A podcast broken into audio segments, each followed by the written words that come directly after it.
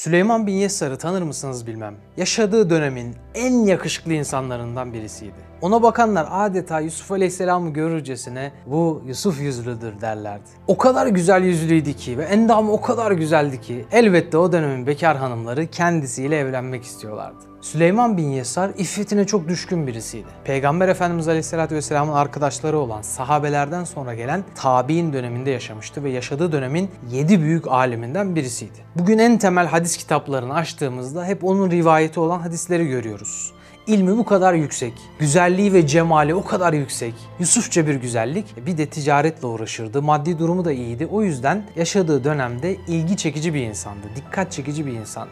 Bir gün ticaret amacıyla Ebva tarafına bir panayıra çadır kurmuştu. İş ortağı olan iş arkadaşı bir iş meselesinden dolayı bir yere gittiği için kendisi çadırda tek başına kalmıştı. Tam o esnada çadırın kapısında bir anda bir kadın belirdi. O kadın o bölgede güzelliğiyle meşhur bir kadındı. Süleyman bin Yesar'ı görmüş, ondan çok etkilenmiş, onu elde etmek istemişti. Süleyman bin Yesar'ın yanına kadar gelip ona cilve yapmaya başlayınca Süleyman bin Yesar ilk başta onu anlamadı. Yiyecek istiyor zannetti ve kendisine bir takım yiyecekler uzattı. Ama kadın açıkça bir zina teklifinde bulununca Süleyman bin Yesar'ın adeta başından aşağı kaynar sular döküldü. Neye uğradığını şaşırdı. Bir anda öyle bir feryat etti ki, öyle garip bir sesle bağırdı ki kadın korktu kaçtı. Karşısındakinin bir deli olduğunu zannetti. Dehşete kapılarak oradan hemen uzaklaştı ve orayı terk etti. Süleyman bin Yesar zinanın çok müsait olduğu, başka insanların görme şansının olmadığı, karşısında çok da güzel bir kadının olduğu,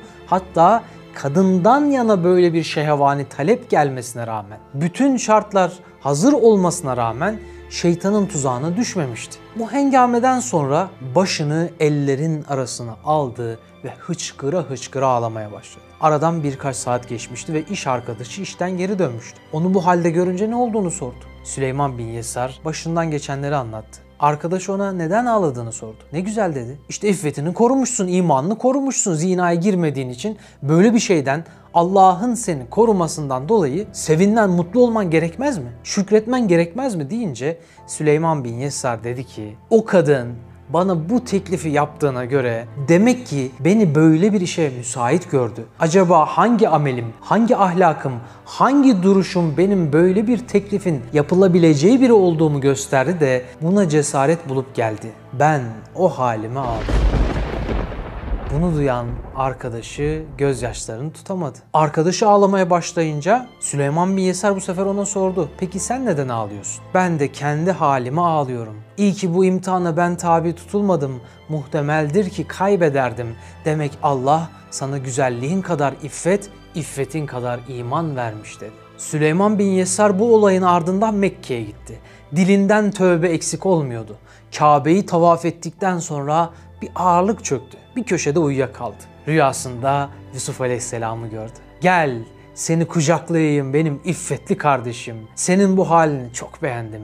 Güzelliğinde kendine göre bir imtihanı vardır. Sen de benim gibi bu konuda imtihanlara tabi tutuldun. Ama kazandın. Tebrik ediyorum seni. Seni bütün melaike alkışlıyor dedi. Süleyman bin Yesar, sema ehlinin en çok konuştuğu, sema ehlinin arasında popüler biri olmuştu. Şimdi kardeşlerim, biz bu hikayeden birkaç ders çıkartalım. Birincisi, neden bu teklifi kabul etmemişti? Allah korkusu kalbine yerleşmişti. Biz neden o korkuyu taşımıyoruz? İkincisi, biz iffetimizi ne kadar koruyabiliyoruz? Kendimizi bu tarz haramlara karşı nasıl muhafaza edebiliriz? 3-5 dakikalık bir zevk için ebedi hayatımızı, sonsuz hayatımızı ve hatta dünyadaki kalan ömrümüzü zehir edecek hatalara girmemek için ne kadar mesafeliyiz? Acaba ne kadar akıbet hesabı yapıyoruz? Yaşadığımız hayat, seçtiğimiz seçenekler bizi nereye götürüyor? Lütfen biraz düşünelim. Neden bu kadar rahatça günahlara giriyoruz? Yoksa Allah'tan korkmuyor muyuz? Yoksa Allah'ın cehenneminden korkmuyor muyuz? Bunu riske atmaya değer mi ya? Tamam diyorsun ki Allah'ın rahmeti var. Belki cehenneme girmem. Belki Allah beni affeder. Tövbe ederim. Peki ya tövbe edemezsen? Tövbe edecek zamanı bulamazsan?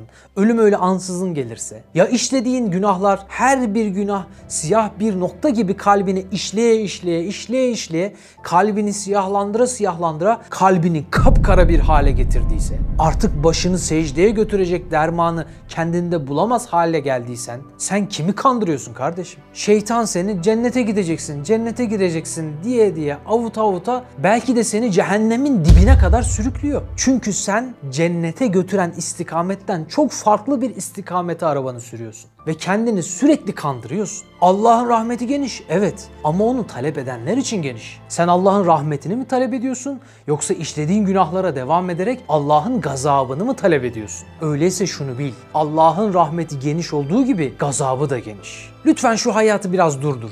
Bir 5 dakika bile olsa durdur ve düşün.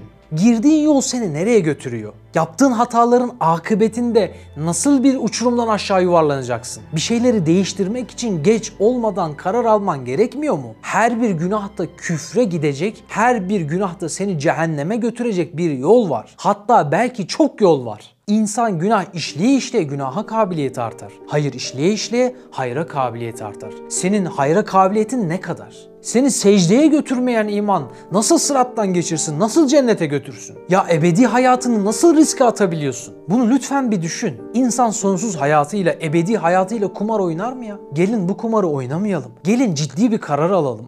Bu hayata ne için geldik? Niye yaşıyoruz bu hayat? Bade heva, başıboş, lüzumsuz dünyanın mesleklerine, işlerine, ömrümüzü harcamak için mi varız? Sabah 8, akşam 8 çalışalım, sonra geçip televizyonun karşısına yatalım, ertesi gün yine aynı rutinin, aynı monoton hayatın içine girelim. Robot gibi böyle bir hayat yaşayalım. Bunun için mi geldik dünyaya? Bu kadar basit miyiz? Kalbimiz, ruhumuz bizi miraç ufuklarına götürebilecek kabiliyetteyken biz kendimizi kuyuların dibine hapsediyoruz ya. Bak ne güzel söylemiş Necip Fazıl değil mi? Yeryüzü dediğin koca bir mabet, geldik bu mabede, maksat ibadet. Üç günlük dünya için gayret üstüne gayret, ebedi hayat için gayret yok, hayret. Ezanlar ederken secdeye davet, hep yarın diyorsun. Oysa kim bilir yarın belki kıyamet. Hep erteliyorsun. Hep erteliyorsun. Yarın tövbe ederim, yarın yaparım, yarın kılarım diyorsun. Ama çevir başını bir bak. Mezarlık yarın kılarım diyenlerle dolu. Hem de ağzına kadar. Yarın yaparım diyenlerle dolu. Onların da böyle planları vardı. Onlar da senin gibiydi. Hayata dalmışlardı. Emin ol şimdi nasıl pişmanlıkla sana çığlık çığlığa bağırıyorlar. Yapma diyorlar ama sesini sana duyuramıyorlar. Dememiş miydi gül yüzlü Peygamberimiz Aleyhisselatü Vesselam erteleyenler helak oldu diye. Daha ne kadar erteleyeceksin? Ya yarın senin için çok geç olursa? Ya senin esas kıyametin başına koparsa? Ya sen hiç ummadığın bir şekilde bir anda toprağın altına girersen? Dün vefat edenlere git sor. Kaç tanesi vefat edeceğinden haberdardı? Kaç tanesi böyle bir ölümü bekliyordu? Emin ol bütün ölümler beklenmediktir. Umulmadık andadır bütün ölenler için her ölüm sürprizdir. Senin de başına sürpriz olarak gelecek emin ol. Yarına senedin var mı? Bir ay sonrasına senedin var mı? Nasıl bu kadar eminsin bir ay sonrasında da yaşayacağını? Nefsin seni kandırıyor. Halbuki her an ölüm yanı başında. Öyleyse her an ölecekmişsin gibi hazır ol, hazır ol. Hazırlıksızsın. Ahirete hazırlığın yok. Daha ne kadar aldanacaksın? Gel şu satırları bir dinle. Eyvah aldandık. Şu hayat dünyeviyeyi, dünya hayatını sabit zannettik. O zan sebebiyle bütün bütün zayi ettik. Boşa harcadık. Bak boşa geçti ömür. İzlediğimiz maçlar, oynadığımız oyunlar, izlediğimiz diziler, filmler ne oldu? Girdiğimiz haramlar, günahlar. Hangisi yanımızda kar kaldı? Hepsi boşa geçmedi mi? Bak zayi oldu. Ömür boşa geçti. Gel bir yerinden dönelim. Şu zararın bir kısmını bari kurtaralım. Zararın neresinden dönülse kar. Evet şu güzeran hayat bir uykudur. Bir rüya gibi geçti. Şu temelsiz ömür dahi bir rüzgar gibi uçar gider. Bak üflüyorsun uçuyor gidiyor. İşte ömür böyle. Çok çabuk bitiyor çok çabuk geçiyor. Geç olmadan, göç başlamadan, göç olmadan geri dön. Çok yönlere koştuk kardeşim. Hayatın çok farklı yerlerine doğru koştuk. Menfaatlerimiz peşinde koştuk. Lüzumsuz işlerin peşinde koştuk. Artık Rabbimize koşma zamanı gelmedi mi? Artık ona koşma zamanı. Fefirru ilallah sırrıyla Allah'a firar etme zamanı. Ne zaman Allah'a geri döneceksin? Ne zaman Allah'a firar edeceksin? Gel dinle. Kendine güvenen ve ebedi zanneden mağrur insan, gururlu insan zevale mahkumdur. Süratle gidiyor. Yok olmaya mahkumdur. fanidir, süratle gidiyor. Haneyi insan olan, insanın evi olan dünya ise zulümat-ı ademe, sükut eder, karanlığa dönüşür. Emeller bekasız, elemler ruhta baki kalır. Madem hakikat böyledir, gel ey hayata çok müştak, ömre çok talip ve dünyaya çok aşık ve hadsiz emeller ile ve elemler ile müptela bedbaht nefsim. Uyan, uyan, uyan, aklını başına al. Nasıl ki yıldız böceği kendi ışıkçığına itimat eder, gecenin hadsiz zulümatında kalır. Bak yıldız böceğinin ışığı ne kadar az değil mi? O ona itimat ediyor, kendine güveniyor ama güneşten mahrum kalıyor. Gecenin karanlığında kalıyor. Bal arısı nasıl?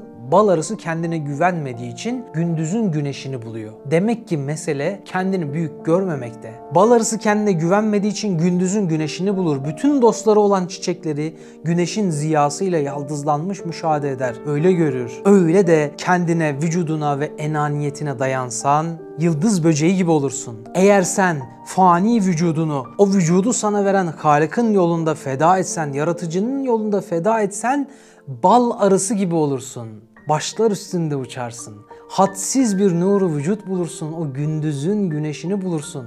Hem fena et. Çünkü şu vücut sende vedia ve emanettir. Senin değil ki Allah'ın malı. Sende emaneten duruyor geri vereceksin. Ve bir gün o emanet senden alınacak. Nasıl olsa o vücut emaneti senden alınacak. Öyleyse gel yol yakınken sen şu sende bulunan emaneti sahibi hakikisi olan, esas sahibi olan Allah'a sat. Nasıl satılır? Nasıl ticaret yapılır biliyor musun? Allah zaten senin olmayan, sana emaneten verdiği kalbini, ruhunu, aklını, gözünü, kulağını senden satın almak istiyor. Diyor ki emanetini bana geri sat, sana yüksek fiyatlar vereceğim, ebedi hazineler, servetler vereceğim. Ne demek? Yani şu demek. Gözünle harama bakma, Kur'an'a bakmakta, Allah'ı ve Allah'ın sanatını görmekte, temaşa etmekte ve tefekkür etmekte kullan. Dilini küfür konuşmakta kullanma, kötü söz konuşmakta kullanma, dinin aleyhinde şeylerde veya Allah'ın hoşuna gitmeyecek şeyleri konuşmakta kullanma. Yalanda, gıybette kullanma. Dilini Allah'a almakta, Allah'ı sevmek ve sevdirmekte kullan. İşte Allah'a satmak böyle olur. Şimdi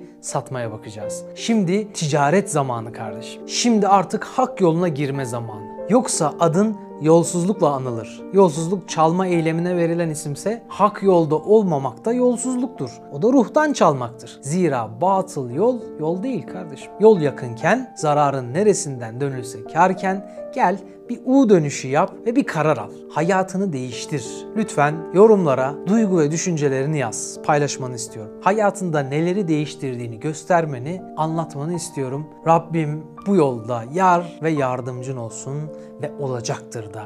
Allah'a emanet ol. Osman Sungur Yekin'in beklenen kitabı çıktı. Bir gün Anneler de Gider adlı kitabını kitapyurdu.com ve Nüve Design sayfalarından temin edebilirsiniz.